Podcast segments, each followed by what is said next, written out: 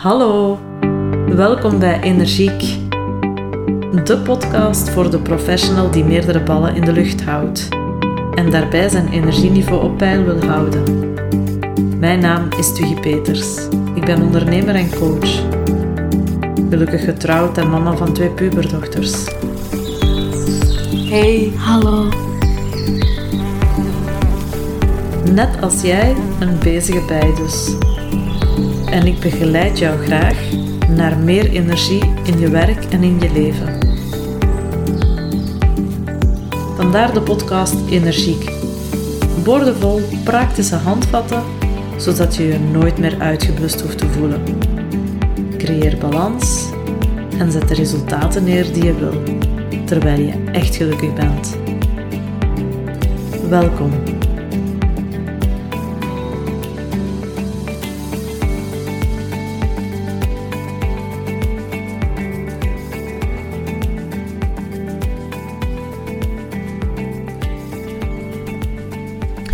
Welkom lieve luisteraar in de mini-reeks De Carrière Switch van de podcastshow Energiek. In de Carrière Switch spreek ik met mensen die uit de gouden kooi zijn gestapt, hun comfortzone hebben verlaten, vaak tegen beter weten in van de omgeving, om een droomjob na te jagen, te gaan ondernemen of opnieuw te gaan studeren. Ze vertellen over de obstakels die ze overwonnen hebben, wat ze geleerd hebben, waar ze vandaag staan, wat cruciaal is geweest in hun weg naar succes en wat ze erop terugblikkend anders zouden doen. Dus ben jij een luisteraar die op een kantelpunt staat, een droom heeft over een ander professioneel leven, dan is deze mini-reeks eentje voor jou. Geen quick fixes en beloofde paradijzen, wel realistische verhalen die inspireren om stappen te zetten naar een job die jou meer zingeving of voldoening kan geven. Voor deze tweede aflevering ben ik op bezoek bij Kathleen Steegmans. Dat ze kunst leeft is meteen duidelijk. Haar woonruimte is tegelijk haar atelier, een heerlijk inspirerende plek waar je al haar werk kan bewonderen. Het is een feestje voor de zintuigen en ik word in sommige kunstwerken ingezogen. Heerlijk om al dat moois bij elkaar te zien. Ik interview haar over haar reis naar het ondernemerschap en kunstenaar zijn. Kathleen noemt zichzelf geen gewoontje en dat vindt ze ondertussen helemaal oké. Zij is een ambitieuze spring in het veld en na een proces van coaching, persoonlijke ontwikkeling en therapie is erin geslaagd om haar blokkades op te heffen en in de actie over te gaan. En durft ze zichzelf sinds kort een echte kunstenares noemen. Maak je klaar voor een uptempo aflevering van de Carrière Switch met Kathleen Steegmans. Veel luisterplezier!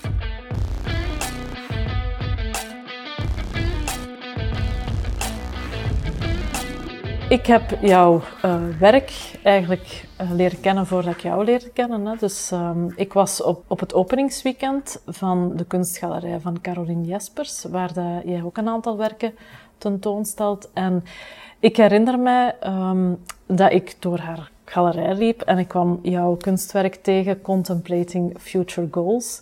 En dat was een beetje liefde op uh, eerste gezicht. Een vrouw die zo de handen in elkaar gestrengeld heeft en de ogen dicht of een beetje naar een punt beneden op de grond kijkend. Eigenlijk iets wat ik regelmatig ook aan mijn cliënten vraag om te doen, om de ogen te sluiten of hè, naar een punt op de grond te kijken, om een stuk contact te maken met wat er van binnen gebeurt. Mm -hmm. En uh, de titel ook, Contemplating Future Goals. Hè. Um, ja, het, het, het bedachtzame, het reflecterende over uh, wat er in de toekomst kan zijn. Dus ik was uh, op slag verliefd. Ik denk dat ik naar mijn man gebeld heb. Gezegd van, zou ik het doen, zou ik het niet doen? Ik weet niet meer wat hij geantwoord heeft. Um, en ik heb het gekocht, voilà. Ik vind het jammer dat hier nu geen camera bij is, want mijn lach op mijn gezicht wordt altijd maar groter en groter. Want dat is inderdaad helemaal de bedoeling dat mensen verliefd worden en dat je daarom een kunstwerk koopt. Um, ja, helemaal, ja. En ik had uh, in de, de, podcast die je mij doorgestuurd had, hè, waar je ook je verhaal vertelt, had ik gehoord dat je um, jouzelf nuchter noemt, maar tegelijkertijd met een spirituele kant. Hè? Down to earth. Absoluut. Pragmatisch, praktisch ingesteld als uh, spiritueel. En uh, dat is iets wat, waar ik lang tegen gevochten heb, maar ik nu probeer een evenwicht in te vinden. Uh, hoe ik daar een balans in kan vinden. Ja, en ik denk dat dat misschien ook hetgeen is wat ik in het werk zag. Mm zo het, de, de, combinatie van de twee en wat mij onmiddellijk ook enorm aansprak. Omdat ik, ik omschrijf mezelf ook zo, hè, zeer eh, down to earth en met een spirituele kant. Ik zeg altijd van ik hou van glitter en glamour. Ik hou van zo wat leuke dingetjes, chique dingen. Ik ben een levensgenieter, ik ben een stier van sterrenbeeld. Dus ik ben iemand die heel houdt van, van luxe en zo. Maar daarnaast heb ik inderdaad ook zoiets van innerlijk is ook belangrijk hoe dat wij omgaan met onze... Uh, met, ons, met, met onze geest en uh, hoe we daarmee bezig zijn, uh, is ook belangrijk. Dus, en ik vond vroeger dikwijls dat het spirituele te fluffy was en te veel roze en te veel uh, niet mijn stijl. Dus ik had zoiets er moeten nog mensen zijn die zowel spiritueel interessant vinden als praktisch en glitter en glamour. En daarom wou ik dat combineren in mijn werk. Ik denk dat dat heel geslaagd is. Ik zou jou willen vragen, uh, Kathleen, om jouzelf misschien ook even voor te stellen. Want dat is hoe dat ik jou heb leren kennen, maar dat is natuurlijk maar een, een klein fragmentje van het, uh, van het hele verhaal. Wel, heel in het kort. Uh, ik ben Kathleen Steegmans. Ehm, ik ben ondertussen 46 jaar jong. Ik moet er altijd bij zeggen jong, want dat is ook een mindset ding, heb ik geleerd. Ehm, ik ben geboren in Hasselt. Uh, dan ben ik via een omwegje ben ik in 2006 in Antwerpen terechtgekomen. Iets dat ik eigenlijk al van mijn jeugd wilde doen, maar uh, waar ik heel lang mee gewacht heb. En ik moest hier uiteindelijk zijn, denk ik. Um, ik woon samen met uh, mijn vriend sinds 14 jaar, Tim. dat is ook een hele creatieve. We hebben samen een grafisch bureau zijn we begonnen in 2011. En ik ben op dit moment zelfstandig beeldend kunstenaar. Um, maar dat ben je niet altijd geweest? In theorie wel, maar in praktijk niet. Dus ik heb zoiets van, ik ben eigenlijk uh, ik ben kunst gaan studeren als ik al 16 jaar was. Daarna ben ik ook hogeschoolkunst gaan doen. Ik ben afgestudeerd als meester in de beeldende kunst. Maar toen ben ik afgestudeerd, toen geloofde ik totaal niet in mezelf. Ik zag geen mogelijkheden. Ik had zoiets van, wat nu? En uh, dan ben ik in de horeca gaan werken omdat mijn ouders hadden vroeger een horecazaak en ik heb als student altijd in de horeca gewerkt. Dus dat was zo de ene, eerste logische keuze. Dat kende ik, dat wist ik wat ik mee moest doen. En dan bleef er altijd iets in mijn achterhoofd knagen. Ik wil eigenlijk iets creatief doen. Ik wil eigenlijk iets creatief doen. Maar uh, ja, met die kunstopleiding. Ik had ook niet leren op computer werken. Want 98 afgestudeerd. Dat was zo net de tijd. Computers waren er al wel, maar in de kunstrichting nog amper. Ik heb ook nog uh, internet leren kennen via school. Uh, dat we naar de bibliotheek samen gingen. Dat we allemaal rond in computer stonden om te kijken hoe dat we dingen moesten opzoeken en zo. Dus persoonlijke websites waren er nog niet. Zelfpromotie was er nog niet. Dus ja, ik had zoiets van, ik moet leren, mijn computer leren werken als ik iets, met, als ik iets creatief wil doen. Dan heb ik heel veel geluk gehad dat het bedrijf waar ik toen werkte, de horecazaak, die is failliet gegaan. En daardoor kwam ik in aanmerking om bij de VDAB een, herscholing te gaan doen. En dan had ik inderdaad een diploma grafisch ontwerper, preprijs. En dan had ik zoiets van, yes, nu kan ik eindelijk dingen gaan doen die dat ik wil doen, die toch creatief zijn. En dat is gewoon realistisch. En hier kun je een job in vinden. En ik was helemaal blij. Maar dan ineens besefte ik dat ik het eigenlijk helemaal niet zo leuk vind om een vast contract te nemen. En dat ik het eigenlijk niet zo zag zitten om ergens vast te gaan werken. Dus ik heb dan eigenlijk heel veel tijdelijke contracten gedaan. Dus ik ben dan van alles beginnen combineren. Ik deed soms twee weken enquêtes opnemen op de Mer. De week daarna stond ik in de FNAC investaris te doen. De week daarna zat ik op de VRT bij de informatiedienst uh, om beelden op te zoeken. Maar ik stond er eigenlijk ook niet zo bij stil. Ik had op die moment gewoon zoiets van, ik wil nu gewoon op deze manier wat leven. Ik wil geen verantwoordelijkheid. Ik wil wat wisselen tussen dingen. Een beetje go with the flow. Zeg, en wat heeft dan uh, op een bepaald moment gemaakt dat je zei van... Nu ga ik... Uh doen waar, waar ik eigenlijk uh, ja, voorbestemd ben om te doen. In 2010 is mijn mama overleden uh, aan kanker. Zij was nog maar 60 jaar. Dus dan ineens komt heel hard het besef binnen van het leven is tijdelijk. Uh, wat was ik toen? 30, 35. En dan komen de vraagstellingen van wat wil ik nu eigenlijk doen met mijn leven? Want stel je voor dat ik maar zo oud word als mijn mama, dan kan het binnenkort gedaan zijn ook. En dan ben ik binnen zoeken. Hè. Ja, en ik had in die tijd al wel interesse in persoonlijke ontwikkeling en zo, maar dat was op een laag pitje. Dus ik was al wel, uh, ik had van mijn mama ooit het boek The Secret gekregen, eh, toen die pas uit was gekomen. Uh, mijn mama was ook al bezig met spirituele dingen en zo. Dus mijn papa aan de andere kant, die was er heel hard tegen, dus ik zat altijd in die tweestrijd. Maar dan, inderdaad, als mijn mama overleden is, dan ben ik daar terug, toch wel terug hulp in gaan zoeken. In die boeken en in hoe kunnen nu je leven gaan leiden, hoe dat je het zelf wilt en wat moet je daarvoor doen. Misschien voor de luisteraar, The Secret, kan je daar eens iets over vertellen, over dat boek? Dat is een boek dat gaat over de wet van de aantrekkingskracht en hoe, dat wij, hoe dat wij met onze gedachten uh, kunnen ons leven bepalen. Dus als ik uh, vandaag, als ik een situatie meemaak, de manier hoe ik daar naar kijk, kan zorgen dat ik daar op, heel slecht uitkom of heel goed uitkom. Ik vind dat moeilijk om, om concreet te zeggen. Bijvoorbeeld iemand die uh, een zwaar ongeluk heeft gehad. Dat kan iemand, iemand die daar uh, negatief over gaat nadenken, die kan daar heel door, door in de put geraken. En die kan van de ene gebeurtenis in de andere komen, dat het alleen maar negatief wordt en negatief. En dat die financiële problemen gaat krijgen, daardoor relatieproblemen, dan kan dat helemaal naar beneden gaan.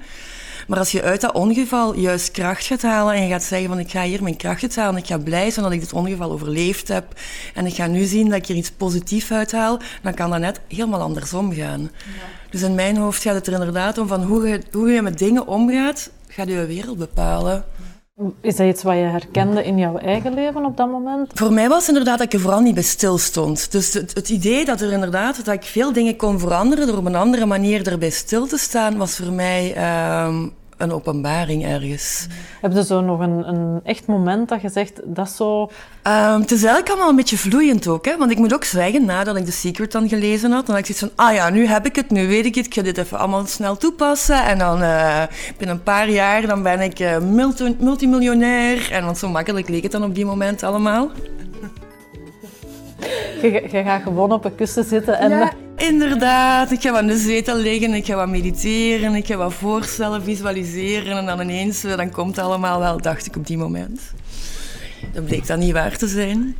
Uh, dan bleek ook wel, en ondertussen heb ik de, eindelijk heb ik het nu door, dat we gewoon, dat het allemaal zoals een ajuin is, of uien, dat dat gewoon een, pijl, een laagjes is. Hè. Het zijn altijd laagjes en laagjes en iedere keer bij elke laag leer je weer nieuwe dingen bij en komen er weer andere dingen naar boven. Want ik heb dan ook geleerd inderdaad, A, dat ik actie moet ondernemen, dat niks vanzelf gaat zonder actie. Dat ik moet leren hoe ik actie moet ondernemen. En uh, dat er ook nog bepaalde dingen bij komen kijken, overtuigingen en zo, die je al jaren in je hoofd hebt, die je eerst moet verwerken om te kunnen groeien naar een bepaald ander niveau. Um. En heb je daar iets specifiek voor gedaan? Of zeg je van, ik heb vooral die boeken gelezen? Of? Ik ben begonnen met de boeken lezen, veel video's kijken en zo. En dan inderdaad, dan heb ik ook business coaching gaan doen. En dan kwamen we er weer bij, bij te kijken dat ik heel veel uh, um, beperkende overtuigingen had, dat ik mezelf niet goed genoeg vond. En dan ben ik inderdaad begonnen met nijtherapie en met theta healing. Om inderdaad ook dat soort dingen, uh, om blokkades te verwerken. Nadat ik de theorie had geleerd en dat dan bleek dat het praktijk veel moeilijker toe te passen was. Het is ook een proces geweest. Hè? Want ik weet nog dat ik bijvoorbeeld hier op een gegeven moment... Uh, we hebben hier uh, buren die een bedrijf hebben, dus er zijn heel veel mensen die langs ons zitten als wij s morgens opstaan. Ik ben uh, nogal een nachtmens. Um, ik heb dus jaren last gehad met het idee dat als de gordijnen hier niet open waren, dan wist ik dat mensen nog wisten dat ik in mijn bed lag. En ik had het er moeilijk mee. Want ik dacht van mensen hebben daar een oordeel aan. Die denken van Kathleen is een luie, want die ligt nog om 11 uur in haar bed. En ik had het daar verschrikkelijk moeilijk mee. Mijn vriend had al zoiets van, schatje, wij staan op wanneer wij opstaan en we doen de gordijnen open wanneer wij open. Maar ik vond dat echt en dankzij dit soort dingen, op een gegeven moment, na die, na die therapie, op een gegeven moment was dat gewoon weg. Nu heb ik zoiets van, het maakt me niet meer uit. Of ik uh, de gordijnen hier om tien uur s morgens open doen, of om elf uur of om drie uur in de namiddag. Dus ik vind het heel moeilijk altijd om dat te verklaren, maar ik heb zoiets van, dit, dat zijn dingen waar ik jaren mee, wat denken andere mensen van mij? En door die therapie te doen, is dat veel minder geworden. Het heeft jou geholpen om in jouw proces als kunstenaar te groeien. Als ondernemer en kunstenaar, ja. Ik durfde zelfs in het begin, als ik kunstenaar ging worden, durfde ik het woord kunstenaar niet gebruiken. Ik noemde mezelf creatief ondernemer. Omdat ik, voor mij was kunstenaar zo'n groot woord. En ik, ik associeerde dat nog altijd met naar Picasso en met Van Gogh. En met alleen de grote namen en de echte grote, grote talenten.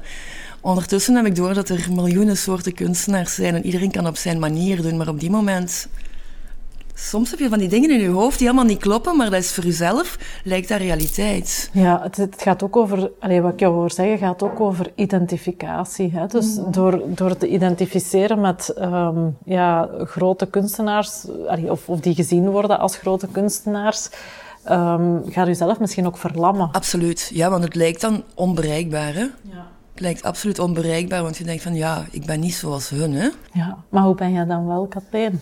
Wel, ondertussen weet ik dat ik ook geen gewoontje ben. maar ik ben er nu eindelijk mee. Ik ben er nu eindelijk mee oké, zou ik het zo zeggen.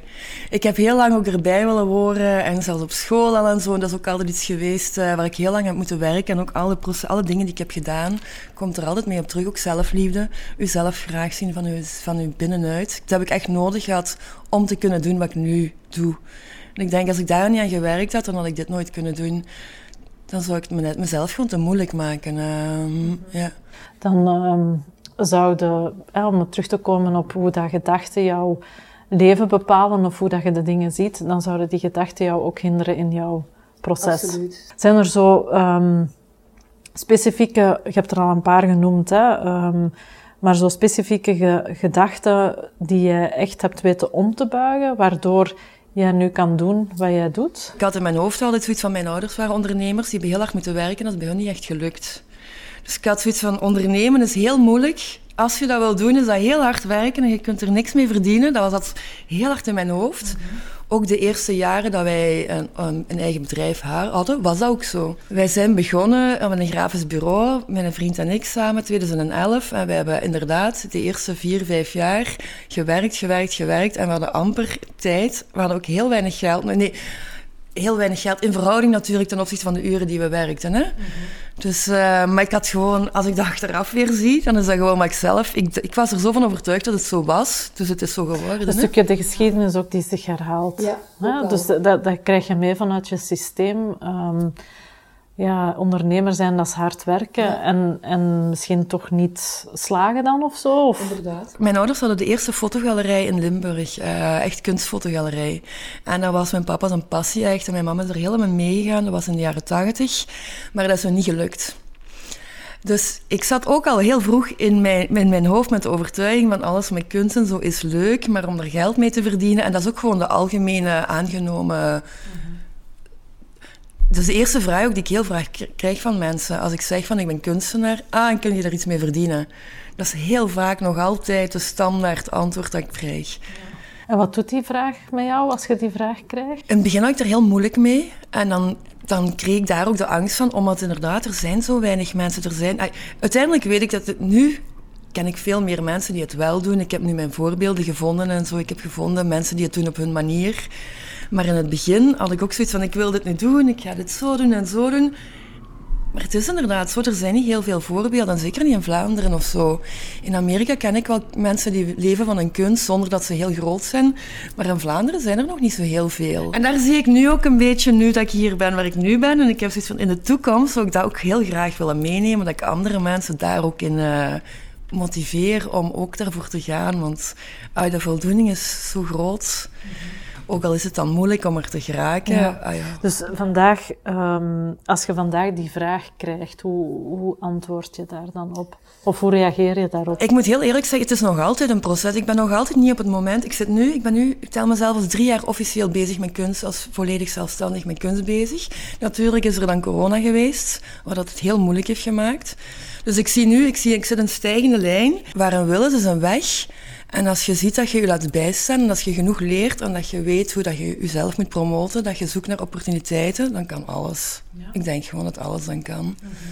En eh, ik hoor jou ook zeggen, in, uh, daarnet in jouw verhaal, voorbeelden. Mensen die het jou voor hebben mhm. gedaan. Hoe, hoe, belangrijk is dat voor jou geweest? Ja, echt heel belangrijk. Maar toen ik in 2018, 19 besloot van ik ga dit doen, kende ik eigenlijk hier in mijn omgeving geen kunstenaars die op mijn manier mezelf verkopen en zo dat deden. Dus ik ben dan via Facebook en zo, ben ik in groepen terechtgekomen. En dat is voor mij heeft heel veel betekend. Maar gelijk uh, met mensen die ook bezig waren, ben ik in een coachinggroep gekomen uh, voor kunstenaars. Dat we zowel uh, praktische uitleg kregen over marketing, over video, hoe dat je dat moet doen allemaal.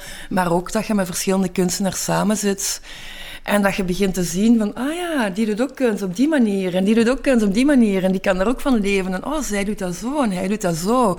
En dan ineens, ja, dan gaat het veel vlotter. Hè? Dan zit je voor je eigen ook mogelijkheden. Ja, een stuk inspiratie van hoe dat zij het aanpakken en hoe dat jij dat dan kan vertalen naar hoe dat jij het wilt. En dan wordt het ook breder in je hoofd. Daarvoor was het zo ook heel vaak zijn mensen ook als je kunstenaar zegt, ah, galerij. Heel veel mensen denken dan, ah, ben je bij een galerij? En als je dan bij een galerij bent, dan zal de galerij wel alles voor je doen. Dan moet je alleen kunst maken. En zo werkt het in de praktijk uh, heel weinig. Er zijn een paar kunstenaars die op die manier kunnen werken, maar dat zijn inderdaad maar enkelingen. En um, ik weet ook niet of dat mijn ambitie zou zijn, want ik hou er ook wel van om zelf contact te hebben met mijn klanten. Maar er zijn dus honderden manieren om het beroep als kunstenaar eigenlijk um, uit te voeren. Hè? Maar dus misschien ook honderden manieren hè, om uh, het beroep van jouw keuze of jouw passie te volgen. Ja, mensen die op zo'n kantelpunt zitten, um, hè, wat je daar straks ook zei, iedereen kent wel iemand die wel iets heel graag wilt, maar er niet voor gaat. Net omdat het in hun hoofd misschien uh, vaak heel eng is hè, of heel bepaald door wat de omgeving daarvan denkt. Inderdaad, ik wil het over de steun van mijn partner. En hij heeft dan echt gezegd van ik weet dat jij daar zegt, ik weet dat dat in elke dingen zit van je lijf en dat je dat heel graag wilt.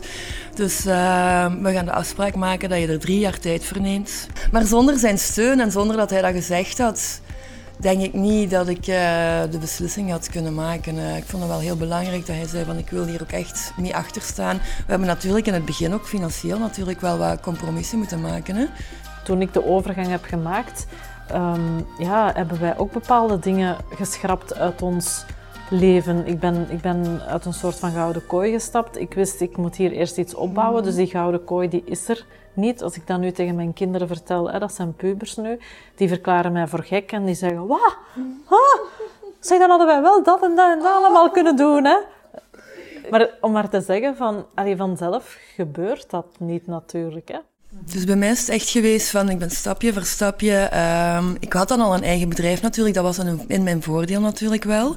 Dus ik ben stap voor stap, heb ik op een gegeven moment gezegd van, ik wil dit gewoon doen. Het was te hard aan het kriebelen, het moest gewoon. Ik heb tegen mijn vriendje gezegd, schatje, echt, ik moet het proberen. En als het niet lukt, dan is het niet gelukt, maar ik kan, niet, ik kan het niet niet proberen. Hoe ben je op dat punt terechtgekomen? Zo, ik kan het niet niet proberen mijn papa overlijdt en dan komen natuurlijk weer die vragen opnieuw van ben ik nu echt aan het doen wat ik echt graag doe. En dan was inderdaad het antwoord van ja, ik vind het superleuk wat ik doe. Ik vind het leuk om dat werk te doen, ik vind het leuk om hier te werken, maar er, er knaagt nog iets in mij wat nog, nog meer naar buiten wil. Um, dan ben ik ook langzaam terug beginnen tekenen en zo. En dankzij dat ik dan ook inderdaad mij beginnen laten ondersteunen. Ik ben dan business coaching gaan doen. Dan kreeg ik door de business coaching meer terug vrije tijd. Dan konden we hogere prijzen vragen voor het werk van het grafisch bedrijf. Had ik meer vrije tijd, kon ik terug meer tekenen. En zo is het in elkaar overgelopen. En dan ineens, door dat meer te doen...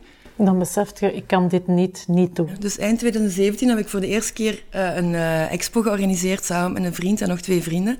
En dan had ik die expo en dan had ik zoiets van, oh, ik word er zo warm van. Hè? Het gevoel van dat te laten zien en dat te organiseren. En ik had zoiets van, ja, dat, dat kriebelde zo hard. Wat voor mij ook een belangrijke indicator was, uh, is als ik zie, als ik andere mensen zie dingen doen waar ik jaloers op werd.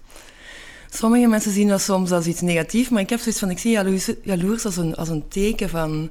Ik word niet jaloers op iemand als ik daar niet zelf wil. Het, het geeft um, een indicatie van een kwaliteit uh, of een, of een ja, inderdaad iets wat je zelf mist in je leven, wat je graag meer zou ja. van willen.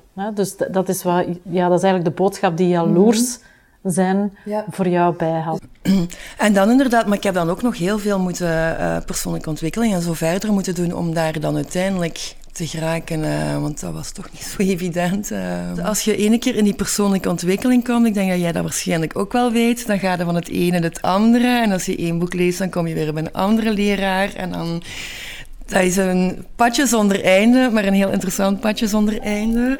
Ik zeg altijd tegen cliënten die opstarten, um, wel een woordje van waarschuwing. Hè. Je kan niet meer terug. Nee. Eens je bewuster bent geworden, kan je niet meer uh, het niet weten. Mm. Dus uh, dat is heel verrijkend, dat is uh, verlichtend, dat maakt je, maakt je veerkrachtiger. Maar je kan niet terug naar je oude zelf. Er zijn wel eens momenten dat ik denk van, had ik dit maar allemaal niet geweten, dan was het gemakkelijker. Maar dat is niet waar. Want het is nu veel leuker. Dat is zo. Dus, dus, dus ehm, ja. ja. ja. Nee, wat ik wel eens tegen cliënten zeg, is um, hè, mensen die zo op dat, op dat punt staan en uh, dan langskomen met de opmerkingen vanuit de omgeving. Ehm, ja, mijn, mijn zus heeft dit gezegd of mijn vader heeft zo gereageerd. Ehm, en dan zeg ik altijd van, ja, misschien is het ook wel een stukje de bezorgdheid die ze uiten, hè, aan de ene kant. En aan de andere kant ook wel een stukje projectie van hun eigen angsten. En soms ook projectie van wat je daarnet zei, jaloezie. Ja, want jij gaat iets doen in jouw leven waar zij misschien wel naar opkijken. En tegelijkertijd zoiets hebben van, doe maar. En ik doe het niet. Het is confronterend ook voor andere mensen als jij je dromen gaat volgen. Hè? Ik had het daar in het begin ook moeilijk mee. Ik vond het altijd moeilijk. Ik had altijd zoiets van, ik wil, ik wil niet hoger staan dan een ander. En door zo'n keuze te maken, voelt dat voor sommige mensen inderdaad soms zo. Dat is ook iets waar ik mee heb moeten leren omgaan. Ja, wat ik merk, um, is dat ik soms wel eens de reactie krijg van mensen, um, van mensen die dicht bij mij staan. Ja, het lijkt alsof ja, door het leven walst alsof er eigenlijk, ja, dat jij geen problemen hebt en dat alles u vanzelf afgaat. Mhm. Ja, dat is natuurlijk niet zo. Maar ik heb door met zelfontwikkeling bezig te zijn, natuurlijk wel een hele emmer veerkracht ontwikkeld. Dus als ik tegenslag ervaar, ik kan ook heel snel, of sneller dan vroeger, schakelen en stoppen met mijn zelfbeklag bijvoorbeeld. Zeker weten, ja. Um, maar dat zorgt natuurlijk er ook voor dat ik nog weinig geduld heb voor uh, slachtoffergedrag of bullshit. Ja, heel herkenbaar. En dan vinden sommige mensen vinden u dan niet zo leuk niet meer. Uh, vandaag, uh, nee, gis, vandaag en gisteren heb ik uh, vijf e-mails gekregen van één persoon die heel hard getriggerd werd, blijkbaar door mijn verhaal. Iemand uit Duitsland, dus ze gaat mij nu ook niet horen, hoop ik. um, die, zelf, die vijf e-mails vol mezelf beslag dat ik zo goed ben en dat zij dit nooit kan uh, bereiken. En inderdaad, ik heb nu ook zoiets van, ik wil gewoon zeggen van, maar leert gewoon. Zie hoe dat je, er zijn zoveel uh, middelen er, tegenwoordig met YouTube, met podcasts, er zijn zoveel dingen waar dat je dingen uit kunt leren, hoe dat je het kunt veranderen. Ja, je kunt, uh, dat is zo'n beetje de uitdrukking, of daar doet ze mij aan denken, de uitdrukking van... Je kunt het paard naar het water brengen, maar je kunt het niet uh, doen drinken. Hè? Absoluut. En, en het is niet zo dat er iets is als uh, ik wil morgen kunstenaar worden of ik wil morgen mijn, mijn passie volgen. Het is wat jij ook schetst. Hè? Ik heb daar heel hard moeten voor mhm. werken. Hè? Ik heb daar heel wat dingen voor opgeofferd misschien wel en, en geïnvesteerd en dingen gedaan die anderen misschien niet zouden gedaan hebben om dan wel te geraken waar ik nu ben. Hè? Ja, dus, het is wat je daar straks ook aangaf van uh, we willen allemaal graag miljonair zijn, maar uh, als je dan ziet wat je er eerst moet voor doen om daar te komen. Het is niet een van mijn grootste doelen op dit moment. Uh, een van mijn grootste doelen is vooral dat ik blijf doen wat ik graag doe en dat ik ehm, voldoende geld heb om een goede ruimte om alles te doen wat ik wil doen. Um, om anderen te kunnen inspireren, ook uh, materiaal te kopen, regelmatig te reizen om geïnspireerd te worden, dat soort dingen. Ja. Wat is jouw volgende stap? In jouw carrière? Of, hè, dat is misschien een vreemd woord, mhm. maar... Um, of hoe kijk je naar carrière of naar de toekomst? Een carrière, ik heb daar een heel, heel weinig connectie eigenlijk mee met dat, dat woord. Dat vermoedde ik al. Ja. ik had zoiets van, carrière, ik heb er echt lang over zitten nadenken. Carrière, carrière, wat is dat nu voor mij? En uiteindelijk, het is een woord dat elke een beetje los van mij staat, maar ik ben wel ambitieus. Dus voor mij gaat het er eigenlijk om dat ik in mijn leven doe waar ik blij van word. En uh, dat zie ik dan nu als mijn carrière. En ik wil inderdaad groeien. En als we dan verhuizen, zou ik heel, zouden we heel graag een ruimte hebben met een openbare ruimte bij, dat ik zelf een tentoonstellingsruimte heb. En ik hou heel hard, want ik vind kunst maken heel tof. Ik hou er ook van. Ik ben echt soms, ik kan soms twee, drie weken echt op mijn eentje zitten. Dan moet ik ook niemand zien en dan ben ik echt in dat creatief proces. En ik vind dat heel leuk.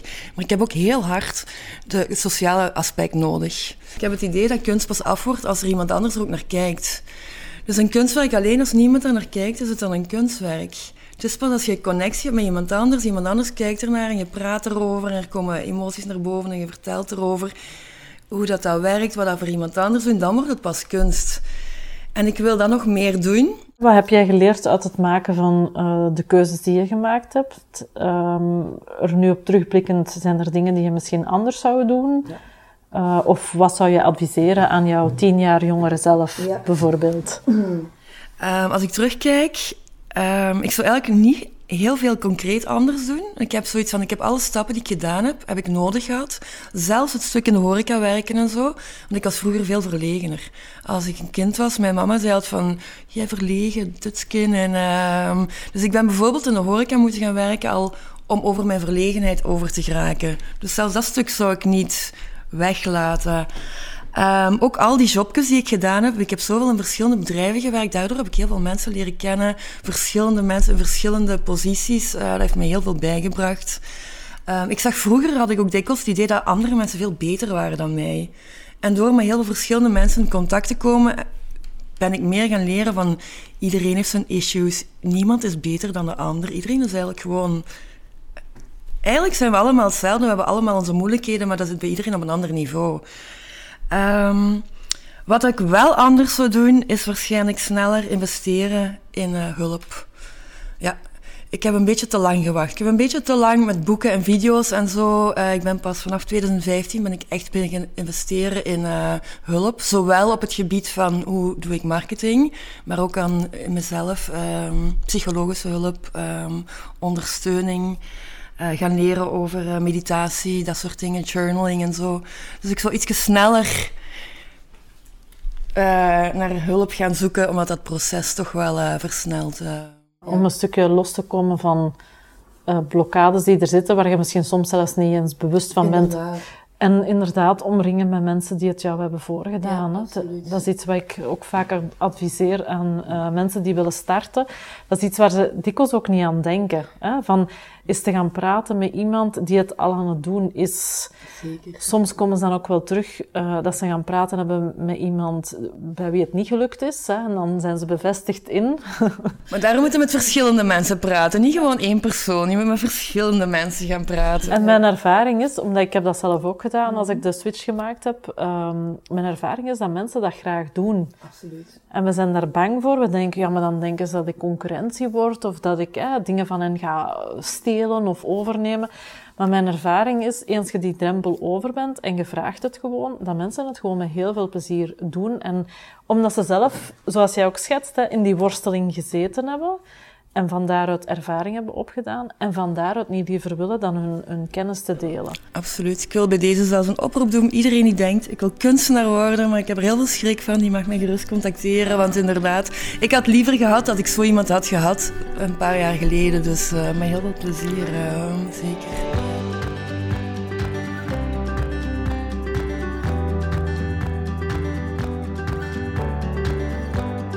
Ja, want de podcast is voor uh, al die drukke professionals die heel veel ballen in de lucht houden. Um, hoe doe jij dat? Hoe houd jij alle ballen in de lucht en zorg je dat jouw energieniveau op peil blijft? Oké, okay, dus ik heb ook eerst, uh, als ik dit ging doen, ik wilde per se in een vak, ik wilde dat heel goed doen. En ik wilde dat doen zoals ik dacht dat dat moest. Dus ik wou zo studio practice hebben, concreet, door de week, zoveel dagen, uren werken, dingen. Ondertussen, nadat ik dat een jaar of twee, drie, vier heb geprobeerd, heb ik gemerkt dat het totaal niet werkt voor mij. En ik heb me nu gerust genomen dat ik met periodes werk. Dus uh, ik zet me regelmatig deadlines, zoals tentoonstellingen bijvoorbeeld, dan moet ik werk klaar hebben. Want ik ben iemand die heel veel nadenkt. Uh, als je mij gewoon laat doen, dan blijf ik altijd... Ik denk soms, ik had misschien filosoof moeten worden of zo. ik kan zo over, over voor dingen heel veel blijven nadenken en naar alle richtingen proberen zien. Ook met mijn kunstwerken. Van, wil ik dit nu zo doen of wil ik dit nu zo doen? Dus doordat ik mezelf deadlines zet, moet ik dan dingen gaan uitvoeren, want anders blijf ik in die denkmodus zitten.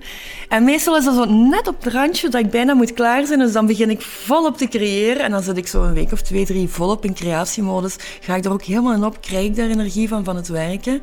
Dan kan ik tot s'nachts doorwerken en dan uh, dan is de expo, dan is er dingen, de ontlading. En dan weet ik daarna dat ik een week of zo rust moet nemen. Of twee weken.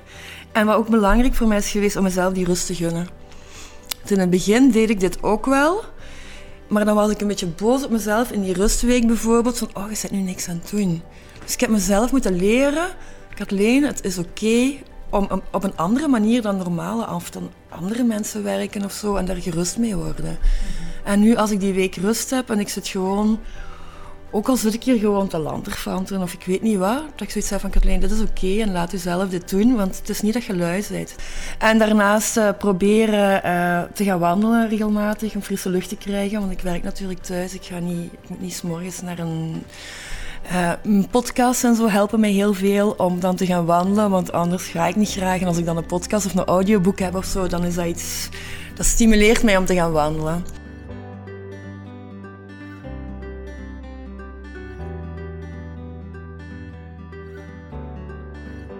Dus wat ik jou hoor vertellen in het energieniveau peil houden is van ik heb uh, ik ervaar de positiviteit van een goede deadline en de stress die daar.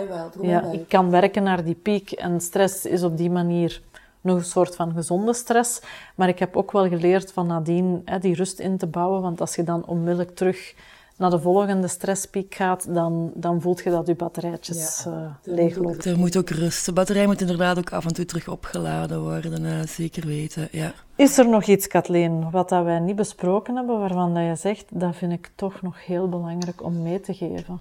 Is echt het belangrijkste, denk ik. Uh, hulp zoeken met coaches of met dingen of uh, andere mensen in je omgeving. Maar dat is ook weer zo typisch de valkuil voor de ondernemer. Hè? Allee, wat ik vaak zie is dat um, een ondernemer vaak ook vanuit zijn eigen familiesysteem geleerd heeft van ik doe het wel alleen. Hè? Oh ja, oh ja. In het begin wilde ik ook zelfs niet die investering. Ik had eerst zoiets van, maar waarom? Ik, kan, ik heb het gratis cursus gevolgd, gratis challenges gevolgd. Waarom zou ik nu gaan betalen voor, uh, voor een programma als er zoveel aanbod al is? Maar het is ook wel die echte persoonlijke begeleiding. En dat heb ik dan ook geleerd. If you don't pay, you don't play. Want ai, er zijn heel veel gratis dingen. Ik heb ook heel veel, en daar heb ik ook dingen uitgehaald. En dat heeft me zeker geholpen. Maar uiteindelijk zijn wel de grote stappen gekomen als ik echt wel serieus voor mezelf ook beslist had van... Um, ik heb hier ook hulp mee nodig. En andere mensen die mij een beetje af en toe bijstelden of een beetje mijn neus in de andere richting duwden. Um, ja, dat is toch wel een hele belangrijke geweest. Nog één puntje dat ik ook nog had opgeschreven is, en dat hoor ik ook heel hard in jouw verhalen, ik heb, je, in jouw werken werk je met lagen. Mm Maar het is zo die najuin van daar straks. Ja. Ook jijzelf, hè, uh, jouw ondernemerschap, jouw reis naar kunstenaar is eentje met heel veel lagen. Als ik het zo mag samenvatten. Want ik ben nu soms aan het denken van, van techniek te veranderen om het mij makkelijker te maken. Want ik moet heel veel schuren tussendoor. Ik heb hier een tentje in de living staan dat ik uh, moet inkruipen om te schuren. Dus ik maak het mezelf niet gemakkelijk. Maar die gelaagdheid is een deel van mijn verhaal. Meer en meer voel ik inderdaad. En ik ben ook dat is, dat sterk eigenlijk dat je dat nu zegt, want ik ben ook in mijn werken nog meer naar lagen aan het gaan. En het is inderdaad ook in het echte leven zo dat het ook nog meer gelaagd aan het worden is. En um, ja, dat is een mooie vergelijking.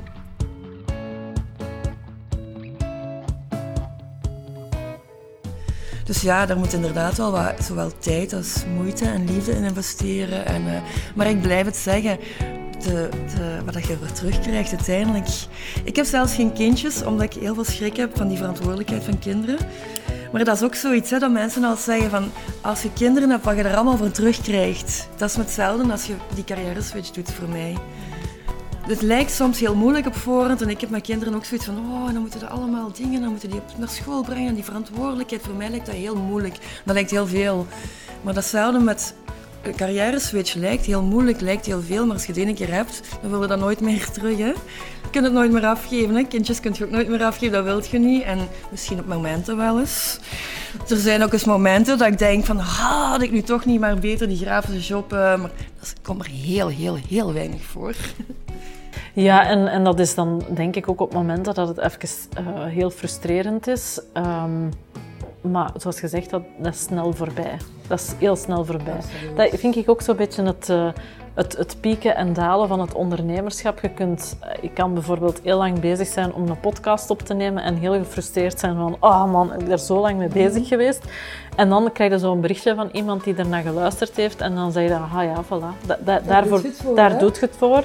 Dus ja, het is dan toch de moeite waard geweest. Als ik dan zo'n expositie heb en er komen mensen en er zijn mensen van oh, je doordat ik naar jouw werk kijk, voel ik dit of voel ik dit of ga ik op een andere manier naar kijken of ben ik geïnspireerd om zelf terug dingen te maken of... Um, dan, dan, dan, daar word ik zo blij van. Hè. Dat is gewoon de, de voldoening, dat is het cadeautje. Ehm, ja.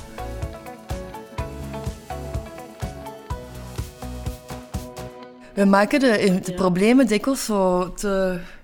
Ik weet niet hoe ik het moet zeggen één ding of zo. Terwijl het inderdaad, er zijn altijd verschillende tussenniveaus te vinden. Hè?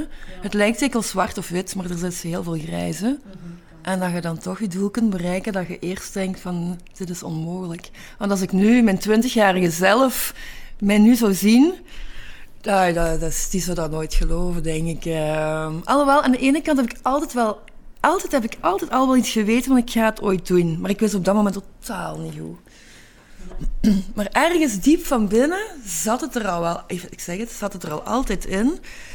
Maar twintig jaar lang heb ik niet gezien hoe dat het dan uh, in de praktijk zou kunnen omgezet worden. Uh, dan hebben we zoiets van, oeh, benieuwd naar de volgende twintig jaar. Uh, dat kan alleen nog maar spannend worden. Uh, zeker omdat ik nu... Die angsten zijn veel minder, hè. Ja, echt. Oh, dat scheelt zoveel. Ja, Sta jij op een kantelpunt in je professioneel leven?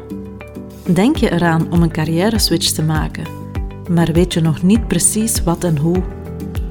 Droom jij van je eigen zaak, maar weet je niet hoe je eraan moet beginnen? Of wil je misschien terug gaan studeren? Zit jij met een van deze vragen? Neem contact op. Met de loopbaanchecks van VDHB kan je voor 80 euro 7 uur loopbaanbegeleiding volgen. Je vindt er alles over op mijn website www.energy-coach.be loopbaanbegeleiding. Je vindt de link naar deze website ook terug in de show notes. En plan gerust jouw gratis kennismakingsgesprek in via de contactpagina.